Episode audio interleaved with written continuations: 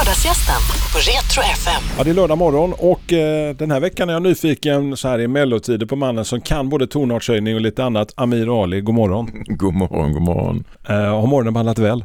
Ja, tycker jag. Tycker jag. Dubbel espresso så, eh, så, är jag, så är jag redo för allt vad, vad livet har att erbjuda. Alltså, det känns inte konstigt att inte vara med i Mello för att du är ju en av de här som man tänker Mello synonymt med ett antal prominenta. Thomas Gesson, Ingela Forsman och sen har vi då Amir Ali. Så är text och musik. ja, ja, ja, alltså de här hjältarna de har ju haft, de har ju haft några, några rackare med genom åren. Men eh, jag, jag ligger ju på en, eh, på en helt annan nivå. Eh, men det ska faktiskt bli väldigt, väldigt kul att och, eh, och titta på det här eh, i tv-soffan eh, med familjen och hunden och eh, inte behöva känna den här stressen i magen så fort man hör eh, ledmotivet dundra genom högtalaren och eh, nervositeten slår på.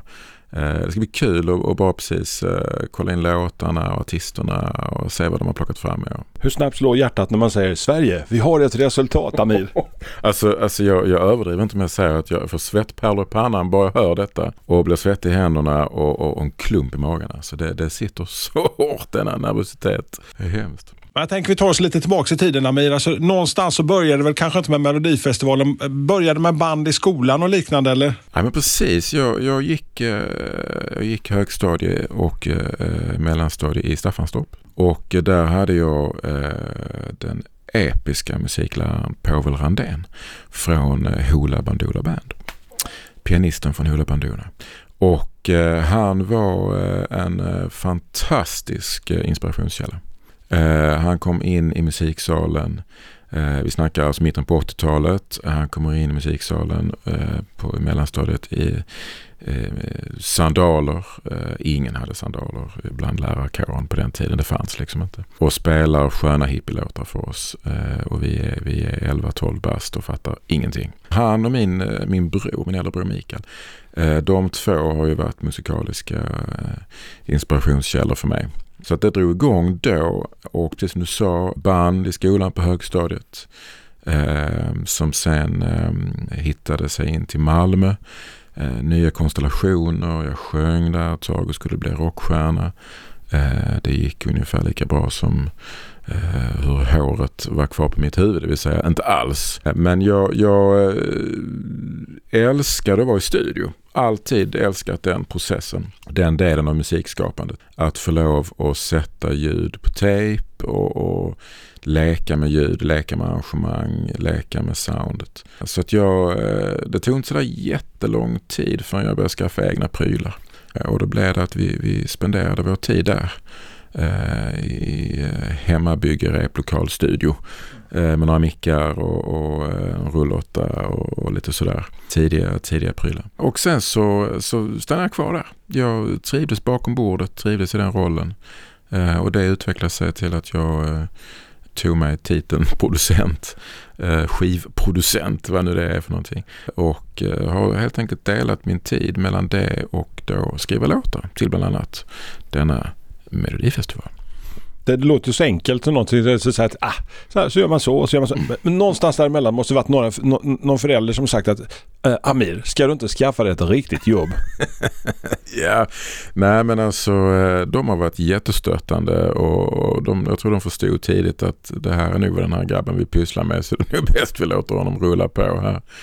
Um, men det är klart att uh, i början där, min far är professor i kemi och, och akademiker ut i fingerspissarna och sådär. Så det är klart att eh, eh, det, det, det, är möjligt att det fanns andra tankar och drömmar eh, för deras del när jag var lill, lillkille.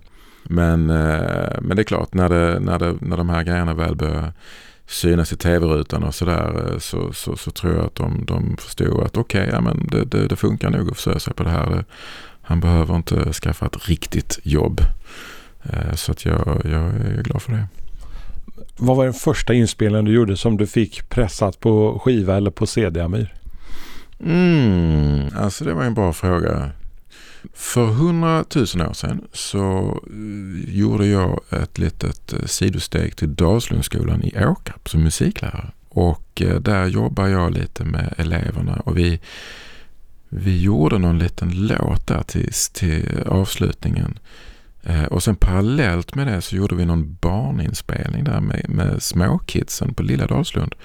Eh, som var jätteroligt, superkul. Eh, det tror jag möjligtvis kan ha varit det som trycktes upp först. Alltså, det, så är det nu. Så är det nu. Mm, mm. Nu ser man det i Mello men någonstans däremellan så måste det varit några mellansteg eller plötsligt händer det som den härliga klyschan från Svenska Spel. Ja, alltså jag, jag gjorde ju ehm, eh, för 20 år sedan någonting så flyttade jag in i den studion som jag håller till idag i Malmö. Och då ganska nära på att det hände så, så eh, hade jag det stora nöjet att få spela in eh, Thomas Holst från Wilmer X, hans soloplatta Härmapa. Och parallellt med det så blev det att jag även gjorde det alldeles eminenta kultbandet Torssons eh, album. Så de rullade parallellt. Eh, och det var väl egentligen, mm, skulle jag säga, mitt första möte med, med liksom riktiga, riktiga musiker, rockmusiker och icke-rockmusiker eh, som gjorde det här liksom på riktigt. Sådär, de hade turnerat och folk kunde deras låtar utan till. Och, eh, och de, de plattorna var ju fruktansvärt roligt att arbeta med. Eh, otroligt lärorikt och, och eh, jag hade gärna bara spelat in dem varje dag. Eh, men sen parallellt med det så dök ju det här upp. Alltså, jag gjorde en produktion till Jill Johnson som heter Crazy in Love och den var med i Melodifestivalen och det var mitt första möte med Mello som producent då. Och efter det så rullade det bara på. Och det är klart att rockgrejerna har ju rullat parallellt också. De har inte synts lika mycket i Mello men de, de, har, de har ändå rullat på parallellt. Så. Om du lyssnar på de där första inspelningarna de här grejerna du gjorde med Torsson, du gjorde med Holst och så vidare och jämför med det du proddar idag. Det har ju varit mm. väldigt mycket gill eh, senaste åren såklart. Eh, vad är känslan när du lyssnar på det idag? Alltså jag tycker det är superkul mest för, för låtarna. Det är så härligt att höra de grejerna. Inte för att jag kanske sitter och lyssnar på dem varje dag. Men det, det som slår en är hur, hur eh, soundidealen har ändrats. Man tycker de här grejerna, det var väl bara några år som man gjorde det, men att det faktiskt är, det är ju snart 20 år sedan och det är ju eh, ett helt annat soundideal idag. Det, går, det är ojämförbart. Så att det är ju alltid lite sådär jobbigt när man lyssnar på, på äldre grejer. Och, och, och, man känner att oh, jag skulle så gärna vilja göra om det idag och göra det. Mixa om och ratta om och sådär. Men, men det, så ska det ju vara. Det hör ju till. Jill, jobba med henne. Vad är den, för ni har ju varit liksom som ler och långhalm, i princip som du säger, sen Crazy in Love, Mello. Vi bandade 2002 och det skickades in där. Um, så vi gjorde först en demo på sommaren minns jag. Och sen kom låten med och då gjorde vi en ny bandning på hösten där. Och eh, vi hade faktiskt gjort en jullåt också samtidigt på sommaren där. Det var det första vi gjorde. Och sen efter det så har vi jobbat jättemycket. Eh, Jill är ju över och skriver det mesta av sitt material i Nashville och nu för tiden så, så producerar vi skivorna tillsammans. Jill är jättedelaktig i sound och arrangemang och hur hon vill att det ska låta och känslor som ska framhävas. Och det är jätteroligt är det, superroligt. Och på den tiden så skrev hon inte sitt, sitt material själv utan det var det andra låtskrivare som skrev till henne. Eh, och sen så, så växte det fram då att hon skrev sitt material själv och tillsammans med andra då. Och det har ju liksom verkligen lyft fram en, en ny sida tycker jag av Gills musicerande som varit otroligt roligt att få lov att ta del av och arbeta på eh, tillsammans med henne. Hon blommade ut som countryartisten Jill Johnson, den första svenska riktiga, eller inte den europeiska countryartisten. Alltså, Crazy in Love, hon gjorde en platta innan det. Eh, men Crazy in Love skulle jag säga öppnade upp Eh, och på den tiden, märk väl, här är det 100 år sedan och, och, då skulle ju saker och ting låta lite Shania Twain och sådär. Så det är klart att vi, vi inspirerades av det på den tiden. Men det var ju den stora dörröppnaren skulle jag säga till att eh, hon skulle bli den här countrydrottningen som hon så ofta benämns som idag. Och, och, och efter, efter Crazy in Love så har hon ju verkligen testat en massa olika sidogenrer kan man säga inom countryn och hon har liksom flörtat lite med bluegrass och hon har testat liksom lite americana och, och, och verkligen eh, plöjt sig igenom den där, det underbara universum som, som, som country är. Och vi labbar ju fortfarande med det och testar olika eh, sound och olika inriktningar varje gång. Och det är ju superinspirerande tycker jag. Och roligt att hon aldrig står still utan att hon alltid färdas framåt och vill framåt. Eh, det är grymt eh, inspirerande tycker jag. I kölvattnet med Jill så har du också följt med massor med andra artister som hon har jobbat med. Jag vet att hon jobbade med Lionel Richie på den här eh, hyllningsplattan med Sail On, hennes eh, egen tolkning av den. Alltså, är det inte lite märkligt också att du har fått stöta på så många andra då, andra riktigt storheter som har kommit med på paketet på något vis? Ja, det är ju superroligt. Det har ju varit några, några sköna duetter eh, genom åren. Eh, Eh, vi gjorde bland annat eh, Tommy Körberg gjorde en duett med Sanne Salomonsson. Favorit hos mig. Det var ju fantastiskt att, att ha både Sanna och, eh, och Jill i, i studion. Sanna och Jill.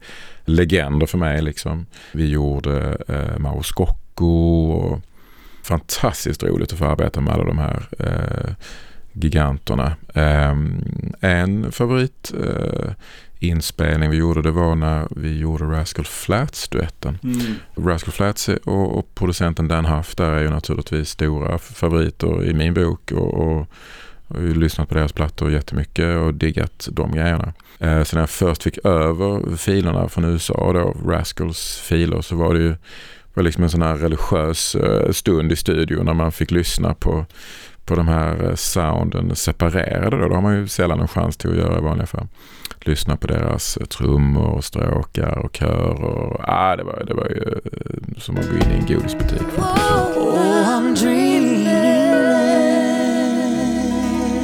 Kan du aldrig känna så här lite grann att, eller du har kommit förbi den att här kommer jag lilla Amir från, från Staffanstorp och, så, och så, sen sitter jag och jobbar med de här världsstjärnorna.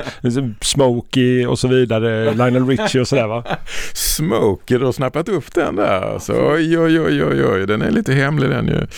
Uh, ja, vad kul. Nej, men, ja, men det är klart, absolut. Det känns ju helt absurt. Alltså, jag, jag menar, det, här sitter jag i, i lilla Åkarp och och spelar gitarr och sen så plötsligt så får man göra de här grejerna. Det är ju helt eh, supergalet. Men väldigt, väldigt roligt faktiskt. Smokey var ju en fantastisk upplevelse. Där, det var ju eh, en låt som, som eh, Marcel Numhaus och Robin Abrahamsson och jag skrev som, som hittade sig in eh, på en Smokey-platta då. Och det var ju också en absurd, ett absurt, eh, eh, vad ska man säga, alltså upplevelsen av att eh, några år tidigare stå och spela deras, deras låtar när man var coverbandsmusiker till att sen plötsligt höra, höra dem göra, göra en låt man hade skrivit eh, hemma i, i, i vardagsrummet i Åkarp var ju såklart eh, helt galet. Men superkul. Och det är ju det som är grejen med den här branschen och den här, den här galna världen som vi kallar musik. Den är ju såklart eh, helt galen och helt underbar på en och samma gång. Det är ju fantastiskt. Mello tillbaka till, eh, i år har inte Amir några låtar med men det kanske är rätt skönt ibland att inte vara där i zonen hur går det till egentligen, alltså den här processen? För det är ganska så tidigt, det är ju typ sommaren innan här som... Berätta hur är processen med, med att göra en mellolåt för vad de du har gjort genom åren? Ja men precis, alltså eh, när jag skrev som mest eh, till mello då, då börjar man ju ofta precis efter att Eurovision har gått av stapeln. Eh, så sen vår skulle jag säga, tidig sommar, alltså, så, så äh, satte man sig och skrev låtar. Ibland så Eh, fick man uppdrag eh, direkt från artist eller från förlag eller från skivbolag att eh, vi söker den här typen av låtar. Och då satt ju alla låtskrivarna i landet och skrev till de här artisterna och de här uppdragen. Och ibland var det omvänt så att då hade man skrivit någonting själv som man försökte sen pitcha på någon artist och eh, hitta rätt röst, hitta rätt uttryck och sen ska man hitta rätt sound i produktionen. Man kan testa olika arrangemang, olika inriktningar. Och sen när det jobbet är gjort så till slut då skickas ju det här in efter sommaren. Och då går SVTs jury in, de plockar ut hälften av låtarna. Och sen när det arbetet är gjort så sätter sig eh, Christer och hans medhjälpare, hans team, och väljer ut den andra hälften. Eh, och det kan ju vara att de eh, skickar ut specialuppdrag, att ah, vi tycker vi saknar en eh, dansbandsballad i år, eller en eh, hårdrocksrökare eller vad det nu kan vara. Och då eh, skickar de ut specialuppdrag till antingen låtskrivare eller till artister eller producenter. Och sen till slut så har de samlat de här eh, eh, 28 låtarna som det är idag, för 32 förr men 28 idag. Och eh, då började det repas frenetiskt och alla artisterna träffar sina koreografer och eh, stagingfolk och allting sätts ihop. Scenarbetet eh, jobbas med in i det sista och eh, sen rätt som det är så sitter det där på lördagskvällen 20.00. Det är ju ganska galet faktiskt, men det är så det går till. Vad är det märkligaste du varit med under de här melloåren? Någon stories som är, är daterad nu men som tål att berättas? ja, det finns nu inget som, som har nått preskriptionstiden än. Men, eh, nej, men det är klart att det, det, det, det är ju en väldigt, väldigt rolig eh, cirkus detta eh, med många roliga stories och många roliga minnen. Vi var uppe och gjorde Andra chansen långt upp i landet en gång. Eh, det var första gången jag åkte snöskoter med Susie Tapper var artisten den gången. Det var nog en syn skulle jag gissa den här skåningen som varken kan stå på skidor eller skridskor som skulle åka i full fart genom skogarna uppe i bergen där. Men eh, ja, nej, men det har varit många roliga, många roliga upplevelser. Eh, kanske inget som bör delas i radio. Men, mm. Du kan ju bli politiker alltså, Jesus. ja, nej, man får uh, vakta på, på godbitarna. De kommer sen i memoarerna. Bröderna Rångedal, alltså det är ju en klassiker. Eh, mm. Sister, Sisters, Rip-Off Deluxe. Får jag lov att säga så? Här uh, säger du det? Hur menar du då? Jag, förstår jag vet inte. Nej, nej, jag förstår inte alls vad du menar. Men uh, det var ju så himla roligt. Fantastiskt roligt. Henke Wikström eh, världens bästa Henke och, och eh, lilla jag hade plitat ihop den här rackaren. Och eh, de skalliga tvillingarna gick in och gjorde sin grej av det och skrev, skrev om vers och hittade sitt uttryck på det. Och eh, utkom den här eh, poplåten. Eh, fantastiskt kul på alla sätt och vis. Fruktansvärt roligt. Och eh, om jag inte har fel för mig så var det väl samtidigt som Sanna gjorde Empty Room. Va? Jag har för mig att det var en sån här galen upplevelse. Vi, vi, vi, vi var väl i samma deltävling som Carola tror jag. Hon gjorde en duett om jag inte minns fel. Och Sanna och Rångedal gick direkt till final tror jag. Och alla var ju såklart säkra på att Carola skulle gå direkt till final. Och det var ju en jättebra låt, jag minns den eh, väl. Men, men det, det, blev så den gången. Jag tror Carola gick till Andra chansen och vi gick direkt till final. Och det bara svartnade för ögonen eh, för, för min del. Jag fattade ingenting. Blev helt yr i pottan och, och jublet i arenan. Och, äh, det var fantastiskt roligt. Alltså. Oerhört otippat. Det var till och med sådär. Jag vet att äh, min kära hustru ringde på något, någon av repdagarna och frågade hur det gick sådär torsdagen och fredagen. Och jag tyckte äh, att ah, det, alltså det går jättebra, de är jätteduktiga och sådär. Men det är ju inte, det är inte lönt att vi, det är ingen som bryr sig om två gubbar som står och sjunger någon poplåt när det finns eh, dunder och brakstjärnor på scen på lördagen. Det är väl lika bra att vi åker hem. Det, det, det, det, det är ju bara trams det här. Eh, och sen blev det som det blev. Den gick till final och, och blev en hit det året och spelades jättemycket i radio. Vi var eh, såklart superlyckliga.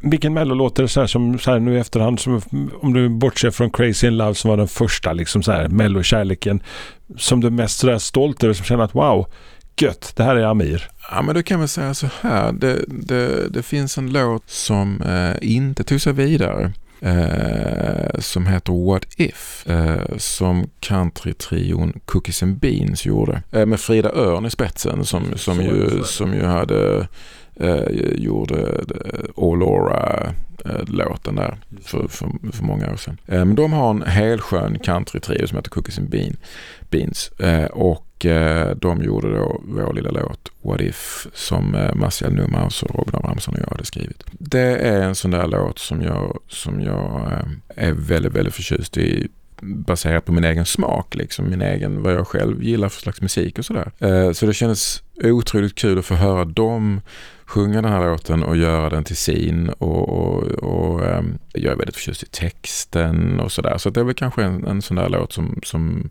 lätt glöms bort naturligtvis men som jag nog kanske har rätt högt upp på min egen lilla lista. Om Amir får välja någonting själv som du ska lyssna på, vad är dina husgudar fortfarande? Sådär? Vad, vad, vad är, om vi ska göra en Ska du våga på oss en topplista Amir?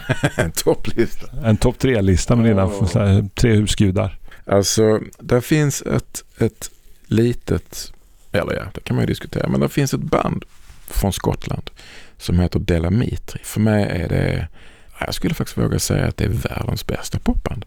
Justin Curry där, sångaren, eh, han skriver texter som får mig att fullkomligt bara trilla ner och dö. Och jag tror det är mycket därför jag har fastnat för country också eftersom det är så väldigt textbaserat. Och bra countrytexter för mig är sådär att när sista raden kommer då, då bara bryter man ihop och bölar och lipar och lägger sig på golvet och kallar på mamma. Eh, och Justin Curry tycker jag eh, också skriver ohyggligt bra texter och är dessutom en eh, löjligt onödigt bra sångare. För att inte tala om melodiskapare. Så att jag eh, vågar man nog eh, faktiskt eh, på att säga att Ella är mitt eh, topp ett band, eh, artist eh, faktiskt. God tvåa, ah, det får bli Trompetti. Det är nog så. Jag har också format mig jättemycket. Eh, alla plattorna, allt, eh, även de som, som inte är så bra. Allt liksom eh, som den mannen eh, och hans band har eh, fått ur sig. Sen på skön tredjeplats, alltså det får nog bli en delad tredjeplats tror jag. Då går vi raskt över till den lite liksom finurligare Beatles-poppen eh, som jag tycker i post-Beatles så tycker jag att den har, det, har, eh, det har liksom företrätts av band som Jellyfish och Rembrandts och de har förvaltat det arvet så fint. Eh, så, så, där på något sätt är nu min lilla trojka med, med liksom eh, inspirationskällor och vi har, vi har text, vi har melodierna, vi har det poppiga, vi har det lekfulla och sen har vi det stenhårda eh, Tom Petty-gungandet med raka rör och bara finurliga, finurliga riff, riff och licks och, och, och melodier och texthookar. Och, ah, fantastiskt bra musik. Att skriva en låt, alltså, det låter ju väldigt okomplicerat när du säger det. Jag satt och tittade på en dokumentär med Ed Sheeran hur han processen, han gjorde sin sista platta. Mm. Och han sa, satt och pratade för några musik, eh, sin gamla skola och förklarade för dem att äh, man, först måste man få ut alla skitlåtarna och tömma mm. ut sig dem. Skriv, skriv alla låtar, skriv så många som möjligt. Mm. Och sen när det börjar bli lite rent vatten i, mm. i rören, det är då de bästa och det tar fyra, fem år. Är det något du kan känna igen dig i? Mm. Ja, men jag har också sett den dokumentären och tyckte det var ett oerhört fint sätt att och sätta fingret på det faktiskt. Eh, och jag kan verkligen förstå vad han menar. Det, det, det finns ju ofta någon slags man säga, rädsla för att inte skriva för mycket. Va? Man ska liksom koncentrera, man ska göra den där, den där låten och nu, nu ska vi skriva den där låten och den ska bli så otroligt bra. Det är lätt att man slår eh, knut på sig själv där tror jag eh, och fastnar istället för att, precis som han säger, skriv, skriv, skriv, skriv, skriv. Det som är bra kommer ju fastna, det som är bra kommer stanna. Eh, och det kan man sen naturligtvis arbeta vidare på och förädla och, och, och verkligen få fram det bästa ur även i det mindre bra så kommer någonting. Det kommer lärdomar, det kommer eh, kanske små idéer som man kan plocka med till andra låtar. Så att jag håller absolut med, man ska inte vara rädd för att och, eh, skriva i bulk. Alltså det, det, det, jag tycker det är, det är klockrent eh, tänkt unga låtskrivare får jag känslan ibland att de klyddar till det för mycket och det, man vill så väldigt mycket istället för att någonstans skala bort mycket och att det blir både för mycket av allting, precis som med eh, nya unga kockar. Ja, men det där är intressant. Alltså jag, jag äh, det är alltid kul tycker jag när det börjar röra på sig äh, och gamla grejer liksom äh, hörs mindre ett tag och så kommer det nya fräcka element och sen rätt som det är så hittar det där gamla sig tillbaka liksom. Men samtidigt för det ju varje gång för det ju musiken framåt. Jag menar tänk så horribelt det måste varit när Beatles kom första gången och man bara va? Alla stackars föräldrar som tyckte det var fruktansvärt jobbigt och, och, och inte minst Stones och, och oj oj oj vad läskigt och obehagligt och, och nu förstår vi inte alls längre musiken. Jag tror det, det behövs, det behövs nya grepp, nya sätt att förhålla sig och ta sig an musiken. Sen så ska jag ju inte hymla med att jag fattar inte hälften av den nya stilen som kommer från USA. Framförallt jag, jag försöker förstå, men förstår inte. Men jag ser det som ett gott tecken. Det, det är bra, då har det kommit nytt folk och de, de, de rör om grytan och på andra sidan där så kommer det, kommer det att sätt avtryck som, som jag tror blir hur coola som helst känner mig som en tjatig gubbe när jag börjar prata för mina barn och förklara. Ah, men det, där, det där är ju från den och den plattan på 80-talet. Recyc recycling, det kretsloppstänkandet mm. i sin renaste form. Ja men så är det ju och, och jag menar vi inspireras ju allihopa såklart. Det gör man medvetet eller omedvetet. Det, det, det, allt man har lyssnat på och spelat genom åren det finns ju där och, finns med i ens lilla krydd, kryddburkar liksom. Och, och eh, vissa eh, lånar ju friskt, andra mindre. Men, men visst, visst recyclas det. Oj, oj, oj, det, det, så är det. Inte minst komiskt nog från, från våra klassiska kompositörer. Jag menar, där är ju många tricks där som man kan snappa upp i låtar här och var. Till sist, eftersom jag har frågat alla mina lördagsgäster. Eh, en enda låt, om du skulle få en enda låt, vet att det är skitjobbigt och du skulle varit inlåst eh, och bara kunna få välja en enda låt som fortfarande betyder någonting för Amir och som du kan höra 24 timmar om dygnet. Alltså det finns ju faktiskt eh, ganska många som jag aldrig tröttnar på sådär. Och jag är nog så tråkig så jag går faktiskt till min lilla min lilla eh, Delamitri topp etta där. De har en låt som heter Be My Downfall eh, som öppnar eh, min favoritplatta med dem. Och det är en sån här låt som jag aldrig någonsin tröttnar på. Jag kan lyssna på den eh, intensivt i hörlurar och verkligen lyssna på skramlet från, från Dobron eh, som gitarristen spelar på, Ian Harvey. Bruset från, från trummorna. Alltså sådär nörddetaljer liksom. Eller kan jag bara ha den i bakgrunden när jag står och diskar eller kör bil eller vad det nu är. Men den för mig är den, eh, det är så enkelt men där är samtidigt en melankoli och en tyngd och en otroligt träffande text. Eh, den har allt. Bra sång, bra musicerande, cleant, enkelt, bra sound, tidlöst. Eh, ah, det är så bra. Löjligt bra. Löjligt kul att sitta här och snacka. Vi skulle kunna sitta och tragga hur länge som helst. Men du, nu är det snart Mello. Eh, Mellomys och rätt låt vann och allt det där. Eh, du, lycka till med alla framtida projekt Amir. Tack, tack, tack och tack för att jag fick komma hit och besöka dig. Lördagsgästen på Retro FM. Nej. Dåliga vibrationer är att gå utan byxor till jobbet. Ah. Bra vibrationer är när du inser att mobilen är i bröstfickan. Få bra vibrationer med Vimla. Mobiloperatören med Sveriges nöjdaste kunder enligt SKI.